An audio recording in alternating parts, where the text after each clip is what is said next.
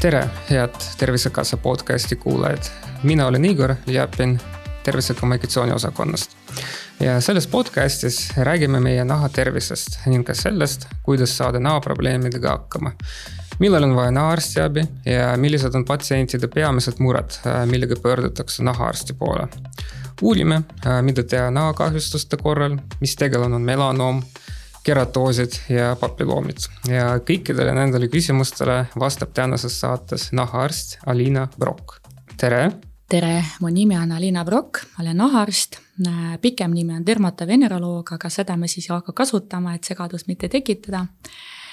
töötan, teen nahaarsti tööd juba seitse aastat, olen töötanud PERHis ja Convidos ja nüüd siis töötan Melivas mm. -hmm super kogemus juba. ja ma mõtlesin, et kui ma kutsusin sind meie Tervisekassa podcast'i, et äh, arutame läbi kõik need küsimused, mis äh, tavainimesi võivad muretseda. ja alustame üldse sellest, et millised on peamised nahaprobleemid, äh, mis patsientidele kõige sagedamini muret teevad. ja milliste küsimuste pärast nad nahaarsti poole pöörduvad no meie poole pöörduvad inimesed väga erinevate muredega, kes tahab kontrollida sünnimärke, kes tahab kontrollida nahamoodustise, äh, kellel on mingi krooniline seisund, näiteks psoriaas, atoopiline dermatiit, äh, kellel on probleemid näonahaga, aknerosaatsia ja siis endiselt väga suur teema on äh, seenhaigused ja küüneseened mm,. tegelikult nende haiguste äh, ampluaa on väga lai, nagu ma näen ja aga räägime äkki veel sellest, et äh, kõik meie Tervisekassa spetsialistid ja paljud arstid ütlevad, et tegelikult esmane kontakt patsiendi jaoks on alati tema perearst või pereõde. et äh, kas sa saad pal äh, palun selgitada, et milliste näoprobleemidega tuleks alustada eelkõige perearstist või oma pereõest? ja, ma tegelikult arvan, et iga mainitud murega patsient võiks pöörduda kõigepealt perearsti poole, siis kui me mõtleme näiteks psoriaasi patsiendi, nad tihti tahavad lihtsalt pikendada retsepte või siis aknega patsient, kes ei ole veel kuskil käinud, ta tahab alustada akneraviga, või siis küüneseen, et ma arvan, selle diagnostika ja ravi on tegelikult ju perearsti töö ja väga paljud saavadki sellega hakkama, lihtsalt inimestel tihti on eelarvamus, et, et, et sellega kindlasti peab tegelema nahaarst, aga perearst on väga tubli. Ja kui perearst jääb hätta, siis on selline praegu lahendus nagu e-konsultatsioon. Eh, väga paljud nii patsiendid kui ka isegi mm, perearstid ja pereõed ajavad natuke veel sassi saatekirjaga. ehk saatekirja nahaarsti vastuvõtul ei ole vaja ja mingit eelist see ei anna. järjekorrad on pikad, seda me teame aga e-konsultatsioon on siis selline digitaalne lahendus, mille abil äh, perearst saab küsida otse nõu nahaarsti käest. ehk siis ta kirjeldab äh, nahaseisundit, tihti paneb ka pildid lisaks ja siis kas nahaarst vastab äh, soovitusega, et alusta selle ja selle kreemiga või kui olukord on raske ja kriitiline, kutsub vastuvõtule, seda otsustab juba nahaarst. aga sel viisil patsiendid pääsevad nahaarsti vastuvõtule palju-palju kiiremini Äh, tegelikult väga tore teadmine, et loodan, et meie kuulajad äh, nüüd teavad ka sellest ja vajadusel kasutavad. aga mul on ju õigus, et tegelikult nahaarsti poole tavainimene võib pöörduda ka niisamamoodi ilma saatekirjata, on mul õigus? Tead, see on selline nagu õigus on ja, ja, ja saab, aga kui me vaatame praegu äh, seda, selle vastuvõtu kättesaadavust, siis me näeme, et kolm kuud ette kõik ajad on äh, täis ja ma arvan, et selle süsteemis ongi selline probleem, et inimene, kes tegelikult võiks saada abi perearsti käest, tema ikkagi tahab pääseda nahaarstile ja selle tõttu nahaarstini ei jõua patsient, kellel on tõesti väga raske, keeruline seisund. et selle e-konsultatsiooni mõte ongi see, et me proovime natuke suunata rohkem patsiente, kes päriselt vajavad abi ja siis, et perearst natuke aitab meil, meil sõeluda, et kes, kes on need patsiendid, kes on päris hädas. kas tavainimene üldse võib ise mingisuguseid järeldusi teha, kui ta näeb, et tal on mingisugused murettekitavad sümptomid või haigustunnused. või me tõesti ütleme, et äh, eelkõige konsulteerige oma pereõega, perearstiga, et ärgu hakaku kohe, kohe üritada naarsti juurde saada Äh, kui me mõtleme patsiendi vaatenurgas, on inimesed, kes on sellised natuke hüpohondrikud, eks, et äh, nad on tihti väga intelligentsed, haritud inimesed.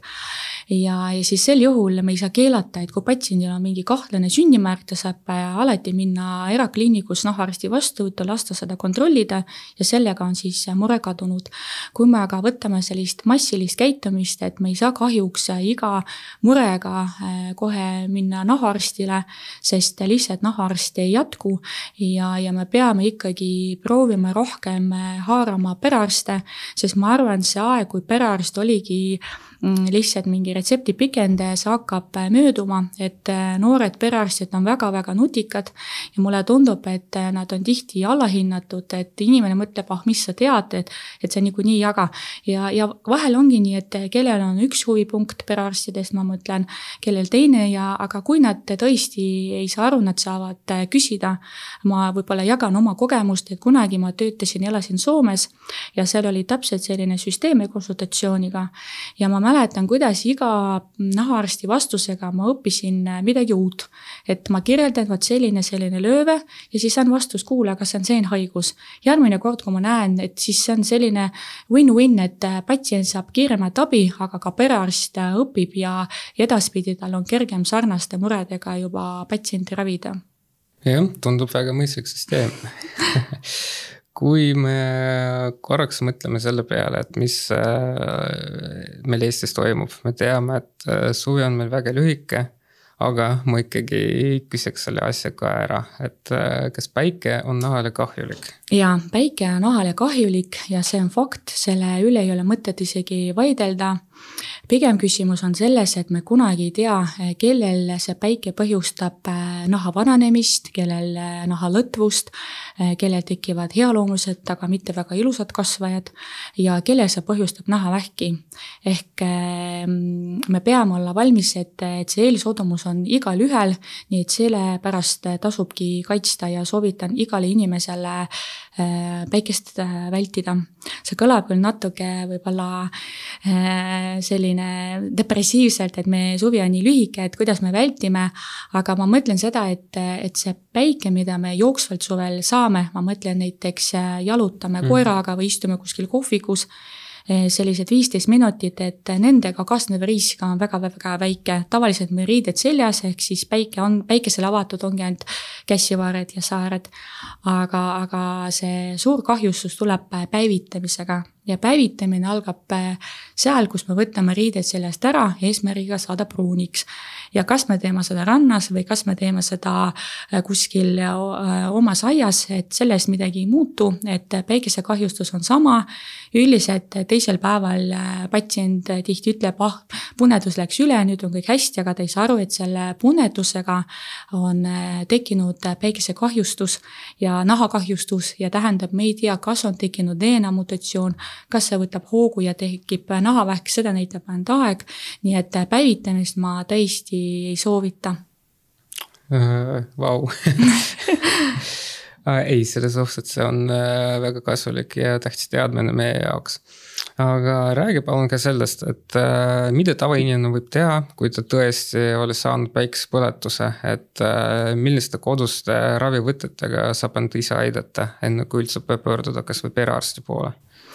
no ütleme niimoodi, päikesekahjustuse puhul on see kurb tõde, et kui päikesekahjustus on tekkinud, siis seda tagasi võtta me mitte kuidagi ei saa. ehk kui inimene mõtleb, et no võtan päikest ja läheb nagu läheb, kui mis on tohterdada, osta, ma ei tea, igasugu geele ja kreeme, siis ta peab endale väga Äh, selgelt äh, lahti äh, seletama, et, et nahakahjustus, millega kahju, kaasneb vähirisk, seda ta saab niikuinii. eks see, mida ta saab pärast teha, on selline sümptomaatiline ravi, mis kindlasti leevendab, kellel sügelub, sügeleb nahk, kellel valutab, et selle vastu aitab aga, aga seda kahjustust me enam tagasi mitte kuidagi võtta ei saa, nii et ma soovitan kasutada päikesekaitsekreeme, kui see on vältimatu, sest äh, paljud inimesed ütlevad, aga doktor, ma olen treener, ma olen terve suvi õues või ma teen, äh, ma ei tea, ehitaja või tee-ehitaja, äh, ma vaadates ümberringi usun, neid on praegu Tallinnas väga palju et siis neil ei ole valikut, nad peavad õues viibima ja siis ma soovitan ikkagi kasutada päikesekaitse, probleemi ja kuigi vanasti oli suurem rõhk just selle numbri peale, kolmkümmend või viiskümmend, siis äh, mina praegu isegi rõhutan äh, selle päikesekaitsefiltri. Äh, päikesekaitsed saavad olla füüsikalise või keemilise filtriga. Ja need just füüsikalised filtrid, nad on, nad tagavad kõige kindlamad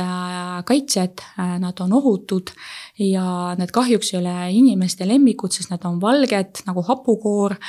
ja, ja siis äh, see peab olema selline teadlik valik. Mm, aga, aga neid ma tõesti soovitan. Äh, pudeli peal tihti on kirjas mineral ehk mineraalne. Ja kui koostist vaadata, siis nad sisaldavad kas tsinkoksiidi või titaaniumdioksiidi suur tänu sulle selle suhtes, et äh, siin praegu kõlasid igasugused terminid ja nii edasi, aga ma arvan, et kui inimene pöördub apteekri poole, siis ta kindlasti saab tema käest nõu ja abi. et äh, millist vahendit endale valida, äh, milliseks olukorraks aga ma arvan, et me läheme edasi äh, nende natuke tõsistama, tõsisemate teemade juurde, et äh, käsitleme need igasugused haigused, äh, nahahaigused, ma mõtlen, et millega inimesed, võib-olla millega inimesed ei ole ise kokku puutunud, aga me kuuleme sellest päris palju ja sellest kirjutatakse ka ja räägitakse meedias ka üsna palju. ja ma alustaks sellest haigusest, kui seda saab niimoodi nimetada, mille nimi on melanoom et äh, mis on melanoom ja miks seda peetakse tõsiseks haiguseks? Äh, melanoom on kõige agressiivsem naha pahaloomuline kasvaja ja kuigi me näeme, et äh, viimase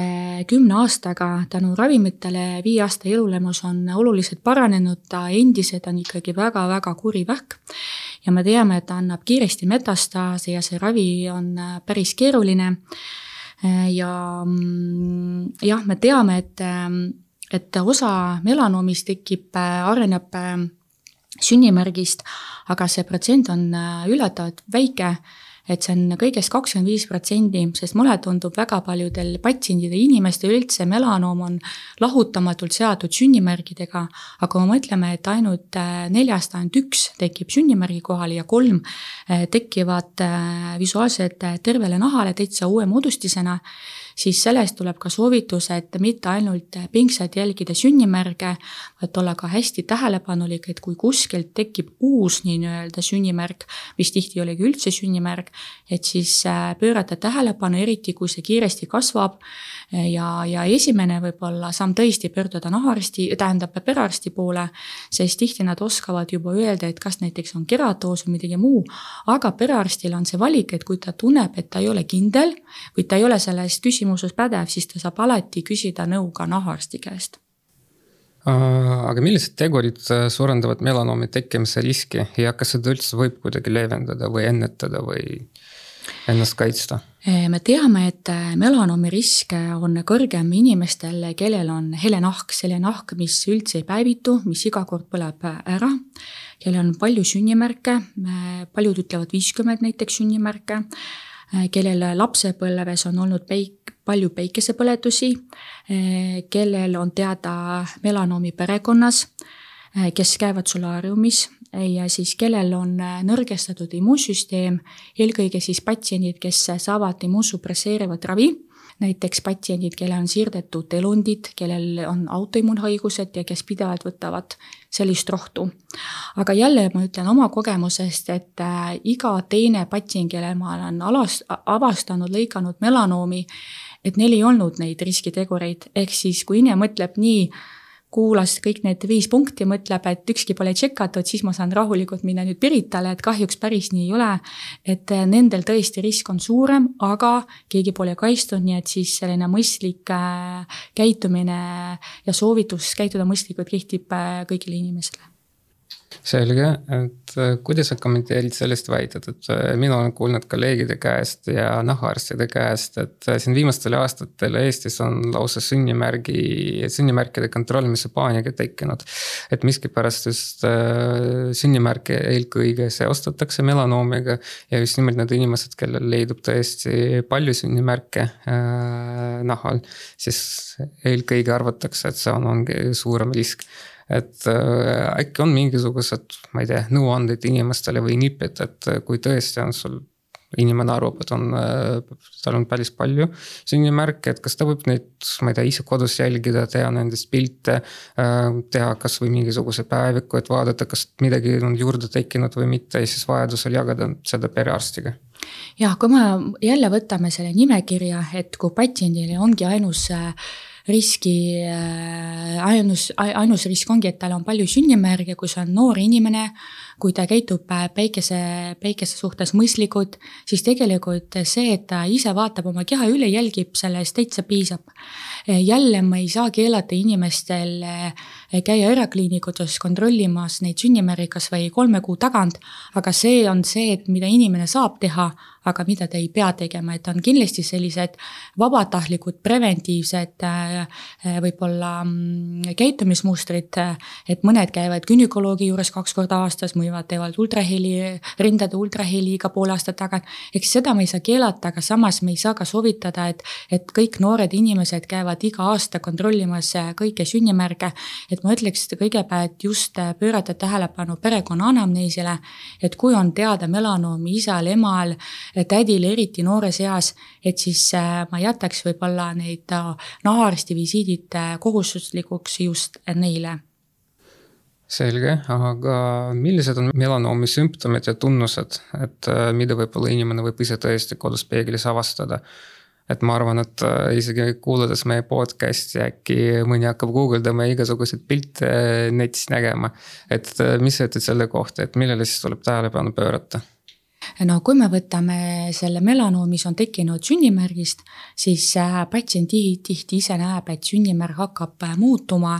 ja see muutus äh, ei ole selline sümmeetriline, vaid pigem hakkab nagu tekkima selline kuskil saba, kuskil sarv, et pigmentatsioon läheb ebaühtlaseks ja siis, kui see on selline nodulaarne melanoom, siis see võib-olla hakkab isegi veritsema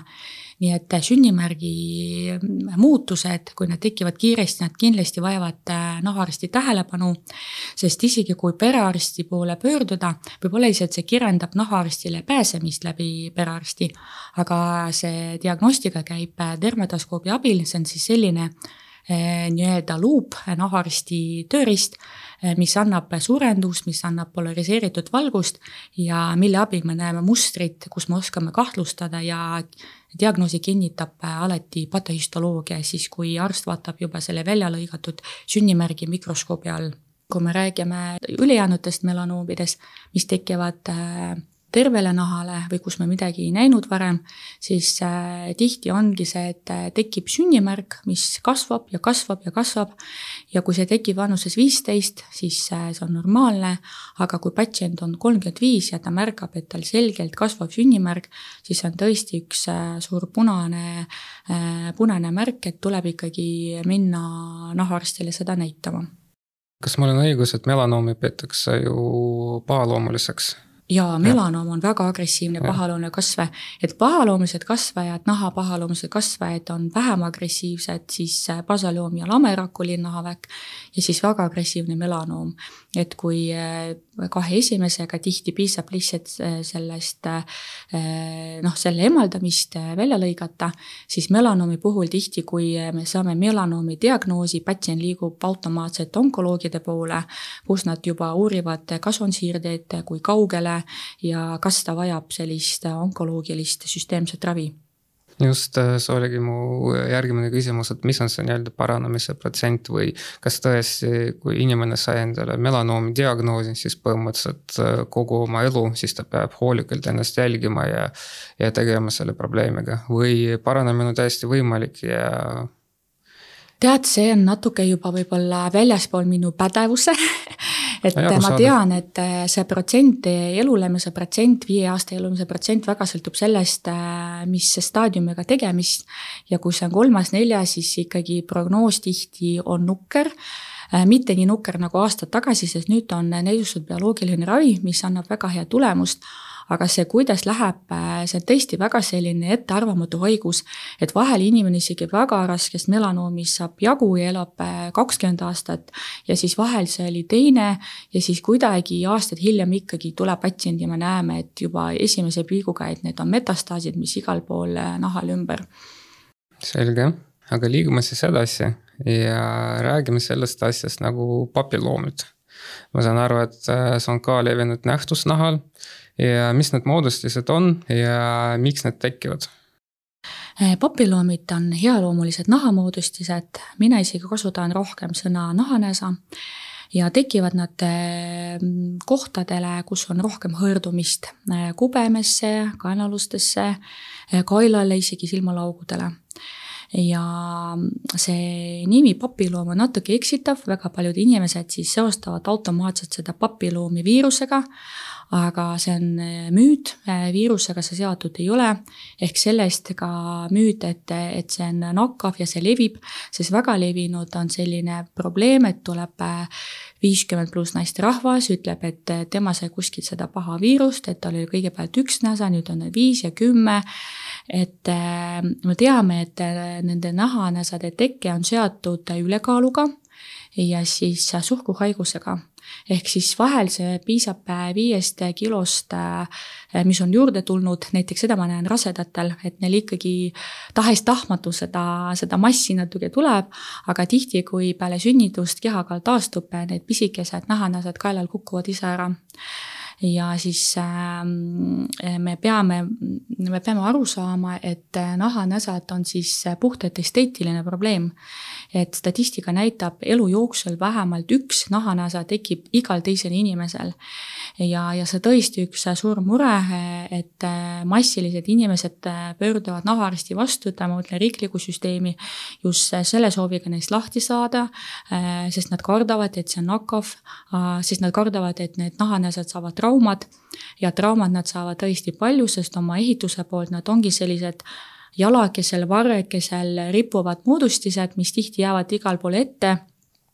mida on kerge katki tõmmata, aga siis ma saan mm,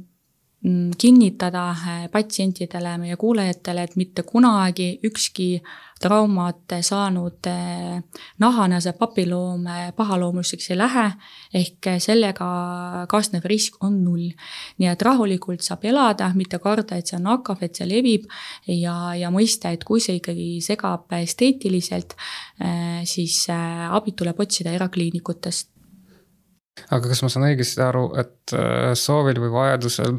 selle eemaldamine on ikkagi võimalik ja see on, kui, kui ohtlik või ohutu see on patsiendi jaoks? ei, see on täitsa ohutu ja ma arvan, et praegu äh, kohti, kus saab emaldada, on päris palju, ma ikkagi endiselt soovitan äh, pöörduda arsti poole. On see üldarst või see on nahaarst, muidugi nahaarstiga on natuke lihtsam, siis ta saab ka kontrollida dermatoskoobiga, kas ikkagi kõik on nahanäsed. sest mõned võivad, mõned võivad meenutada eh, nahanäsaga olla sünnimärk. Aga, aga eh, emaldada saab ja see on maitse küsimus, kas vedelalammastikuga, elektroakkumulaatoriga või siis CO2 laseriga see on väga levinud eh, nagu protseduur ja teenus, lihtsalt ma arvan, et see ongi, et inimene peab eh, tõstma selle nahanäsade probleemi kastist, eh, kus on meil näiteks psoriaas ja, ja ekseem, kasti, kus meil hallid juuksed. ja, ja siis me ei lähe ju, sest tegelikult see on samamoodi, see on vananemise tunnus, aga me ju teame, et noh, see on nii loomulik, see lihtsalt käib vanusega kaasas ja me ei pöördu sellega nahaarsti poole, kuigi nahaarstid tegelevad ju juustega. Arusaadav tegelikult mul on veel üks küsimus äh, järgmise äh, nahaprobleemi kohta, äh, mille nimel on keratoosid. et kas sa saad palun rääkida, et mis on seborooilised keratoosid ja miks need tekivad? seborooilised keratoosid on samuti healoomulised nahamoodustised, mis tekivad vanusega tekivad inimestel tihti, kellel on geneetiline eelsoodumus ehk võib-olla äh, Äh, paljud äh, oskavad meenutada, et midagi sarnast nad nägid temal või isal või vanaemal, vanaisal. Äh, visuaalselt nad sellised selgelt eristuvad naastud, karedad, tihti näsalised ja esimese keratoosiga patsient otsib abi mm, arsti juures, nahaarsti juures, sest äh, nad mõtlevad, appi, mul on tekkinud uus sünnimärk. see on täitsa uus, nad võivad olla ju värvuse poolt nii kollased kui ka pruunid ja mustad. aga siis, kui patsient tuleb minu vastuvõtule, siis me vaatame sünnimärgid üle, vaatame keratoosi ja ma tihti seletan, et, et sünnimärgid on siledad, tihti on nahapinna tasemel, keratoosid on kõrgemad, äh, struktuuri poolt teistsugused ja, ja iga järgmise keratoosiga väga tihti patsient ise oskab juba näha seda eh, sellist vahet et, et see, mis on tekkinud, see on jälle seesama ja vot siin tulebki jälle see probleem, et, et mul ikkagi, kui ma töötasime riiklikus süsteemis, aeg-ajalt tulid patsiendid, kes ütlesid, doktor, ma tulin näitamas, mul on uus keratoos. ja siis ma mõtlen nii, mida me selle keratoosiga siis teeme. aga vot see jälle, et me peame aru saama, et see on vanusega kaasnev muutus, see ole ohtlik. et kas me seda kratsime või sügame, kas me mingi, mingi kõva švammiga tõmbame need katki või ei tõmba, jälle kinni kinnitada pahaloomuliseks, mitte kunagi nad ei lähe. nii et kui me teame, et see on keratoos ja keratoosid, nad äh, kasvavad väga aeglaselt, nad kiiresti ei kasva, see on ka väga selline hea tunnus, mille abil eristada. et siis äh, me ei pea nendega kohe arsti poole tormama, vaid äh, pigem jälgida ja kui me näeme, et kasv on väga aeglane, siis ei ole midagi vaja teha aga kas inimene ise äh, kodus võib ka midagi teha, ma mõtlen, kas on mingisugused, äh, kas meedialised vahendid, mis äh, võib-olla aitavad nende moodustistega toime, toime tulla või? noh, keradooside puhul mina üldiselt soovitan, kui on naisterahvas, kasutada kehakooriat ja see võiks olla selline rutiin näiteks kord nädalas, näiteks pühapäeval, saunapäeval, teha siis kehakooriaga ühe sellise äh, kuuri, sest tihti see ongi ainult kehatüvel eh, ja, ja siis kasutada kreemi, mis sisaldab uurijat. uurija ka aitab nii pehmendada eh, kui ka aitab eh, juhul, kui nad hakkavad sügelema. aga jälle inimene peab aru saama, et nii nagu hambapesu, et see ei ole niimoodi, et meil on karjes auk, me hakkame pesema ja siis see kaob, see pigem ennetab, et ei tekiks uusi ja võib-olla keratoosi puhul isegi saab natuke visuaalselt neid äh, paremaks muuta, aga muidugi, kui juba suur selline laatakas kuskil keset selga, siis äh, ei koori, ei, ega midagi sellega enam ei tee selge, aga kui me üldse mõtleme inimnaha peale, siis tegelikult see töö, mis ta igapäevaselt teeb meie jaoks, ta kaitseb meid, ta teeb igasuguseid asju meie keha,